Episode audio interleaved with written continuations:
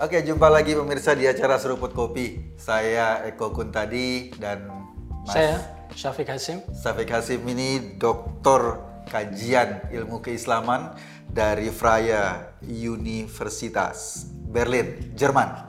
Sekarang beliau ngajar di UIN Jakarta dan juga salah seorang pengurus PBNU. Nah, teman-teman semua, kita bicara soal eh, topik halal. Nah, sebelum kita bicara soal halal, kita cobai dulu yang halal. Mas Afik, silakan ngopi dulu kita agar mantep ngobrolannya hari ini. Ah, Wih, luar biasa ya.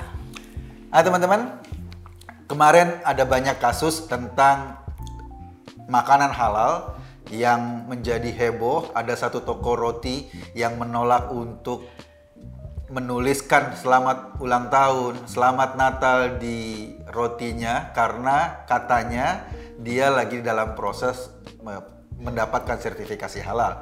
Juga belum lama ini ada isu bahwa sebuah restoran seafood juga menolak apa eh, pengunjungnya untuk membawa kue tart karena katanya sedang dalam proses sertifikasi halal. Saya nggak tahu apakah kalau seandainya mereka membawa kue tart kemudian sertifikasi halalnya tertolak atau gimana saya nggak tahu. Tetapi kita akan ngobrol sama Mas Safik Hasim ini. Saya ingin tahu dulu sekarang ini kan sertifikat halal kemarin kan MUI kan yang pegang yang mengeluarkan Ya. inisiatif masyarakat lah ya Ya. kita hitung. Sekarang sudah ditarik menjadi eh, negara yang mengelola. Mas Afik melihat ini gimana ini? Eh, sekarang negara yang ngurusi soal halal dan haramnya makanan ini. Ya, ini berarti terjadi pergeseran tentang proses syariatisasi. Proses syariatisasi. Ya, yang dulunya mungkin banyak diinisiasi oleh masyarakat, civil society, sekarang diambil alih oleh pemerintah, khususnya dalam bidang makanan halal dan juga dalam bidang ekonomi halal. Ekonomi halal sejak tahun 2008, pemerintah sudah mengeluarkan undang-undang. Eh, Sekarang ekonomi eh, produk halal sejak 2014 undang-undangnya dikeluarkan, tapi undang-undang itu baru dilaksanakan 2019 per Oktober tanggal 17 kalau tidak salah. Artinya bahwa dukungan negara terhadap proses syariatisasi memang terlihat dalam konteks ini dan ini merupakan sesuatu yang menurut saya agak setback ya. Setback maksudnya gimana? Ya, artinya negara jadi mengurusi hal-hal yang- yang berkaitan dengan keyakinan kelompok tertentu. Buat masyarakat, Norma kelompok ya, tertentu. buat masyarakat ini gimana, Mas Afik? Apa kita lah, saya sebagai Muslim ini atau anda sebagai Muslim ini gimana dengan kehadiran negara yang langsung secara teknis ini gimana? Kalau zaman dulu kan katakanlah pada pemerintahan Soeharto ya, Aha. sampai ya pada pemerintahan Soeharto saya kira eh, sampai reformasi kita itu memiliki kebebasan untuk menentukan makanan apa yang mau kita makan, minuman apa yang mau kita minum, Oke. Kosmetik apa yang mau dipakai oleh eh, kita, kemudian eh, obat apa yang mau kita makan. Aha, aha. Masyarakat menentukan dirinya sendiri dan melakukan kontrol terhadap dirinya sendiri bahwa eh, saya tidak makan sebuah makanan yang tercampur babi atau barang haram yang lainnya, tapi berdasarkan pertimbangan dan kesadaran dirinya, kontrol diri. Kontrol- oh, Nah, oke. kontrol diri. Oke, Nah, kontrol diri. Tapi kalau sekarang dengan ada undang-undang tersebut, makanan, minuman, eh, obat-obatan, kosmetika, bahkan barang-barang, bahkan jalan-jalan pun sudah dikontrol oleh negara untuk memenuhi Standar standar syariat. gitu. Ya. Nah itu bagi kita artinya gini, eh, kalau kemarin kan sertifikasi halal dikeluarkan oleh lembaga MUI sebagai lembaga civil society, besok dikeluarkan oleh negara. Kalau dikeluarkan oleh negara kan berarti ada kewajiban bagi penyedia makanan, terutama untuk punya sertifikasi halal. Kalau mereka mau jual ke kelompok yang umum gitu. Ya, justru itu problem kita. Kalau dulu MUI kan voluntarily, sukarela. Oh nggak ada kewajiban ya? ada Semua kewajiban. Pengusaha nggak punya Jadi produsen, produsen itu bisa mengajukan dan bisa tidak. Oke. Paling kalau tidak mengajukan dikatakan oh dia nggak mengajukan. Ah, oke. Tapi kan sekarang sudah ada undang-undangnya, Berarti wajib. wajib. Aha. Kalau dia tidak mau memberikan sertifikat halal, maka eh, barang yang dia produksi harus diberi keterangan bahwa barang ini belum mendapatkan sertifikat halal, alias barang ini menjadi kategori non halal. Halal. Juga. meskipun meskipun Halal. yang dijual itu halal. Oh, gitu. Meskipun yang dijual itu halal. Saya ngebayangin kalau seandainya semua makanan atau eh, barang konsumsi ini harus disertifikasi halal, berapa juta item dan berapa banyak kemampuan negara untuk mensertifikasi itu semua? Karena menurut saya, katakanlah satu, eh, kopi misalnya, kopi itu kan ada kopi A, B, C dan masing-masing toko beda-beda gitu. Iya. Itu ketika satu item saja butuh waktu sekitar lima hari eh, bra- kesanggupan negara saya nggak terlalu yakin untuk akhirnya malah menjadi problem buat pengusaha ini. Ya selama ini melalui MUI mereka merasa bisa melakukan itu, tapi pada saat itu kan memang masih berbentuk sukarela. Kalau sekarang kan wajib ya negara mau tidak mau harus mempersiapkan persoalan itu semua, infrastrukturnya harus eh, siap semua. Tapi yang lebih dari itu semua, selain merepotkan, itu juga ada unsur komodifikasi. Komodifikasi. Artinya melakukan itu tidak semata-mata negara ikut campur tentang halal dan haramnya Oke. uh, sebuah produk, tapi juga negara bisa mengambil manfaat. Karena bayar, bayar Iya. iuran gitu.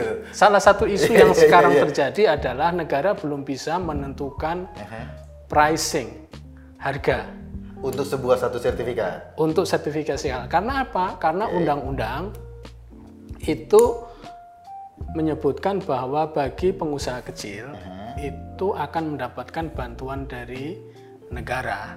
Oke. Artinya kalau mendapatkan bantuan dari negara, dia harus eh, apa namanya Disubsidi. eh, disubsidi. Nah, sementara negara tidak berpikir bahwa jumlah pengusaha menengah ke bawah itu jutaan. Iya. Karena kan saya khawatir gini, Akhirnya dibebankan kepada pengusaha pengusaha besar.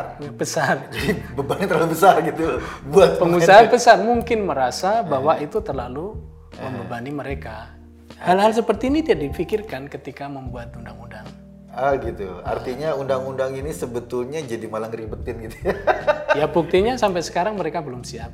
Iya. BPJPH belum siap. Bayangkan, eh, sekarang mereka belum siap.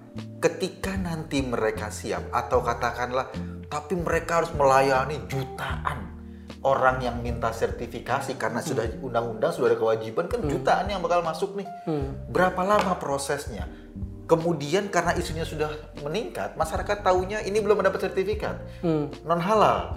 Ini kan bahaya bagi para pedagang atau para konsumen produsen ini kan luar biasa. bahaya. Itu komplikasi yang mungkin eh, harus diantisipasi oleh BPJPH. Ya. Oke. Tapi mereka memiliki eh, standar waktu yang sudah ditentukan. Apakah mereka bisa memenuhi standar waktu atau tidak gitu. Dan sudah barang tentu eh, sertifikasi ini akan menjadi persoalan bukan hanya bagi para pengusaha besar. Saya kira persoalan yang lebih berat itu pada pengusaha kecil. Ini nggak akan efektif. nggak akan efektif. Nah, wong kalau mereka misalnya disubsidi saja dengan membayar satu juta misalnya, ya itu pun satu juta bukan sesuatu yang mudah buat tukang Buat bakso, ya. Iya, tukang iya, iya. apa dan lain sebagainya itu. Ya, itu bayangkan kalau sampai tukang bakso, tukang pecel lele, tukang pecel, tukang apa semua cendil itu harus dapat sertifikasi halal. Saya nggak bisa ngebayangkan bagaimana kerepotan negara ini Ya, ngurus itu semua. Wong jangankan sertifikasi halal, BPOM lah. hmm, Kan nggak semua makanan kita sudah tersertifikasi BPOM. Sampai sekarang nggak sudah berdiri kapan tahu gitu. ya akhirnya akan seperti itu. Akhirnya bahwa setiap undang-undang yang kita buat ternyata pada tingkat pelaksanaannya tidak bisa maksimal. Karena apa? Karena dalam pembuatan undang-undang kita tidak melakukan studi yang cukup mendalam Oke. tentang implikasi-implikasinya. Iya, saya saya akhirnya melihat begini bahwa ini salah satu eh, apa ya trik marketing bagi pengusaha besar ya untuk menggrab konsumen yang sedang genit beragama gitu. Kemudian kalau ini cuma jadi sebagai target market trik marketing dan kita tahu katakanlah di di di, di, di birokrasi ini ada misalnya gini ke usaha apa sertifikat halal itu biayanya katakanlah 5 juta. Tapi karena pengusaha pengen cepat, Lebih lah, sekarang Oh, sekitar katakanlah 10 sampai 10 12 juta. juta. Tapi karena pengusaha ini pengen cepat, dia pakai jalur cepat. Hmm. Dia bayar calo, dia bayar sesuatu untuk dapatkan sertifikat halal. Hmm. Esensinya ini halal gak gitu? ini esensinya ini halal gak nih? Ketika dia bayar calo karena dia merasa berkepentingan, Pakai broker. pakai broker atau jalan lewat belakang atau cepetan nih keluarin sertifikat deh gue bayar aja. Ya, salah satu permasalahan yang kemarin-kemarin itu broker itu juga menjadi uh, menjadi sebab uh, sertifikasi halal berbiaya tinggi karena Oh. lebih lebih lebih mahal membiayai brokernya daripada mendapatkan sertifikat Sertifikatnya. halal. Oke, gitu ya. Nah itu kan jadi soal. Nah ini kan jadi jadi lucu kan? Ah. Kita dapat sertifikat halal Ah. dengan jalan nyogok, broker dan lain-lain. Ini jadinya lucu. Harus diantisipasi itu. Jadi sebetulnya yang yang harus disertifikasi dulu adalah lembaga sertifikatnya dan prosesnya agar sertifikatnya halal beneran. Proses di MUI, proses di Depak, disertifikasi halal dulu. ya. Dipastikan gitu. Nanti ada lembaga pemeriksa-pemeriksa halal yang resmi. Ah, Nah, para, para pengusaha ya harus melalui yang resmi itu. Oke. Kalau dia mela- melalui sistem brokerage ya pakai brokerage yang resmi. Tapi saya tidak tahu apakah uh, dibolehkan uh, mengurus sertifikasi halal melalui lembaga perantara. ah, ah. Tapi yang saya katakan, Mas, itu sertifikasi halal ini lebih menguntungkan pengusaha besar. Lebih menguntung. eh, Kenapa tuh? Karena pengusaha besar sudah terbiasa memenuhi semacam standar mutu. Oh, oke oke. Sementara dalam sertifikasi halal itu ada yang disebut dengan SJH, standar uh, uh, jaminan uh, sistem jaminan halal. Hmm, SJH itu sistem jaminan halal itu sangat rumit oke. dan itu Hanya bisa di- dilakukan oleh bukan hanya bisa, artinya karena kerumitannya itu yang terbiasalah yang biasa, yang Oh, bisa dan yang terbiasa itu adalah para pengusaha besar. Iya. Misalnya ya, menurut SJH sebuah bakso itu halal atau haram itu bukan hanya tergantung pada bakso yang sudah tersedia itu, Ah. tapi bahan daging itu tadi disembelih di mana, Oh, oke oke. disimpan di mana, Iya iya iya. iya. apakah dalam menyimpan itu eh, apa namanya eh, terselamatkan dari cipratan barang najis dan tidak. Kalau para pengusaha kecil itu kan menaruh Iya. bahan makanan kan di sembarang tempat itu. Iya iya iya. Environmentnya debu atau cipratan air atau apa itu kan kita tidak tahu. Karena itu undang-undang ini menurut saya bias elit Bias pengusaha. elit, ya. Oh gitu. Bukan. Tapi bias elit beragama aja. Bias ya elit biasa agama elit juga. agama juga biasa elit agama juga sebagaimana kita ketahui bahwa komodifikasi itu memang selalu oligarkik ya Ah, oke oke. oleh kelompok pemimpin tertentu kemudian didukung oleh negara dan lain sebagainya Tapi gini, kalau kalau saya lihat ki- kita lihat sehari-hari ya, kita punya BPOM, kita punya BPOM dan kemudian sekarang juga BPOM tetap ada tapi juga cuma ngurus produk-produk besar saja. Toh produk kecil kayak kerupuk dan lain-lain beredar bebas di publik. kita berharapnya seperti itu bahwa kita tetap memiliki kebebasan untuk membeli makanan sesuai dengan Ah gitu ya. Karena yang pengusaha kecil kan mungkin nggak punya biaya untuk mengurus yang ribet-ribet jelas itu kan. jelas jelas itu challenge itu hambatan untuk BPJPH Oke, nah eh, Mas Afik, ini saya pengen bi- bicara yang terakhir. Eh, kalau seandainya pemerintah, ini kan dalam undang-undang nggak ada nggak ada pidana, nggak ada apa. Kalau seandainya soal halal dan haram ini digunakan untuk persaingan, katakanlah ini kompetitor, saya keluarkan isu tentang kehalalan dan keharaman. Misalnya dua-dua sudah punya sertifikat, sementara tingkat approval rating publik kan belum tentu nih apa ah, sertifikat ini tuh bisa dibeli dan lain-lain gitu kan. Satu itu. Kemudian eh, apakah negara punya apa ya punya wewenang atau punya kewajiban untuk memprotek orang yang sudah pegang sertifikat ini terhadap isu-isu misalnya dari kompetitor bahwa oh, ini sertifikatnya apa nggak halal dan lain-lain. Ya, ketika dia mendapatkan sertifikat halal sudah barang tentu itu jaminan ya. Hmm. Secara tidak langsung jaminan dari negara itu. Jika terjadi persaingan pasar uh, apa saling membuat kabar palsu dan sebagainya, saya kira itu mungkin bukan bagian dari proses sertifikasi halal tapi bagian dari proses persaingan uh, usaha. Tapi menurut saya ya Mas ya, soal sertifikasi halal itu jadi ke mana-mana gitu. Hmm. urusannya tidak hanya berkaitan dengan barang makanan, uh, minuman, kemudian obat-obatan dan uh, apa namanya kosmetika, tapi sudah merambah ke apa namanya ke barang-barang keras, kulkas, televisi iya, dan kulkas sebagainya, halal. dan juga pada tourism, Turis. Oh iya iya iya. halal Wisata tourism, halal gitu wisata ya. halal gitu. Itu luar Itu biasa. sangat sulit. Mas Afik ini kan soal makanan eh, halal dan lain-lain. Sekarang kan sudah merambah ke mana-mana nih. Ada kulkas eh, halal, bahkan ada makanan kucing yang halal. Kucing nggak ada hubungannya sama ibadah tapi dihalalin. Kemudian ada banyak barang-barang juga tourism. Nah ini dampaknya kan eh, luar biasa. Orang misalnya di Bali gitu loh, yang masyarakatnya memang eh, sebagian besar penganut eh, Hindu atau katakanlah di Toba. Orang datang ke Bali kan bukan mau apa, mereka mau leisure ya. Gimana anda melihat ini? Ya, dalam konteks Indonesia sebagai negara yang tidak menggunakan sistem eh, agama atau bukan negara teokrasi, saya kira soal ini benar-benar menjadi tantangan kita bersama gitu. Artinya syariatisasi dalam berbagai Bidang gitu. bidang gitu, public life gitu, bahkan tak terbendung gitu. Eh, misalnya konteks sertifikasi halal tidak hanya pada empat bidang tadi, tapi juga mencakup televisi dan lain sebagainya. Dari perspektif agamanya ada legitimasinya, ada. Tapi dari perspektif kehidupan berbangsa dan bernegara yang plural, ini yang menjadi agenda kita bersama. Misalnya soal halal tourism. Kan karena ada undang-undang seperti itu, lalu pemerintah daerah ingin melaksanakan. Ah, ah.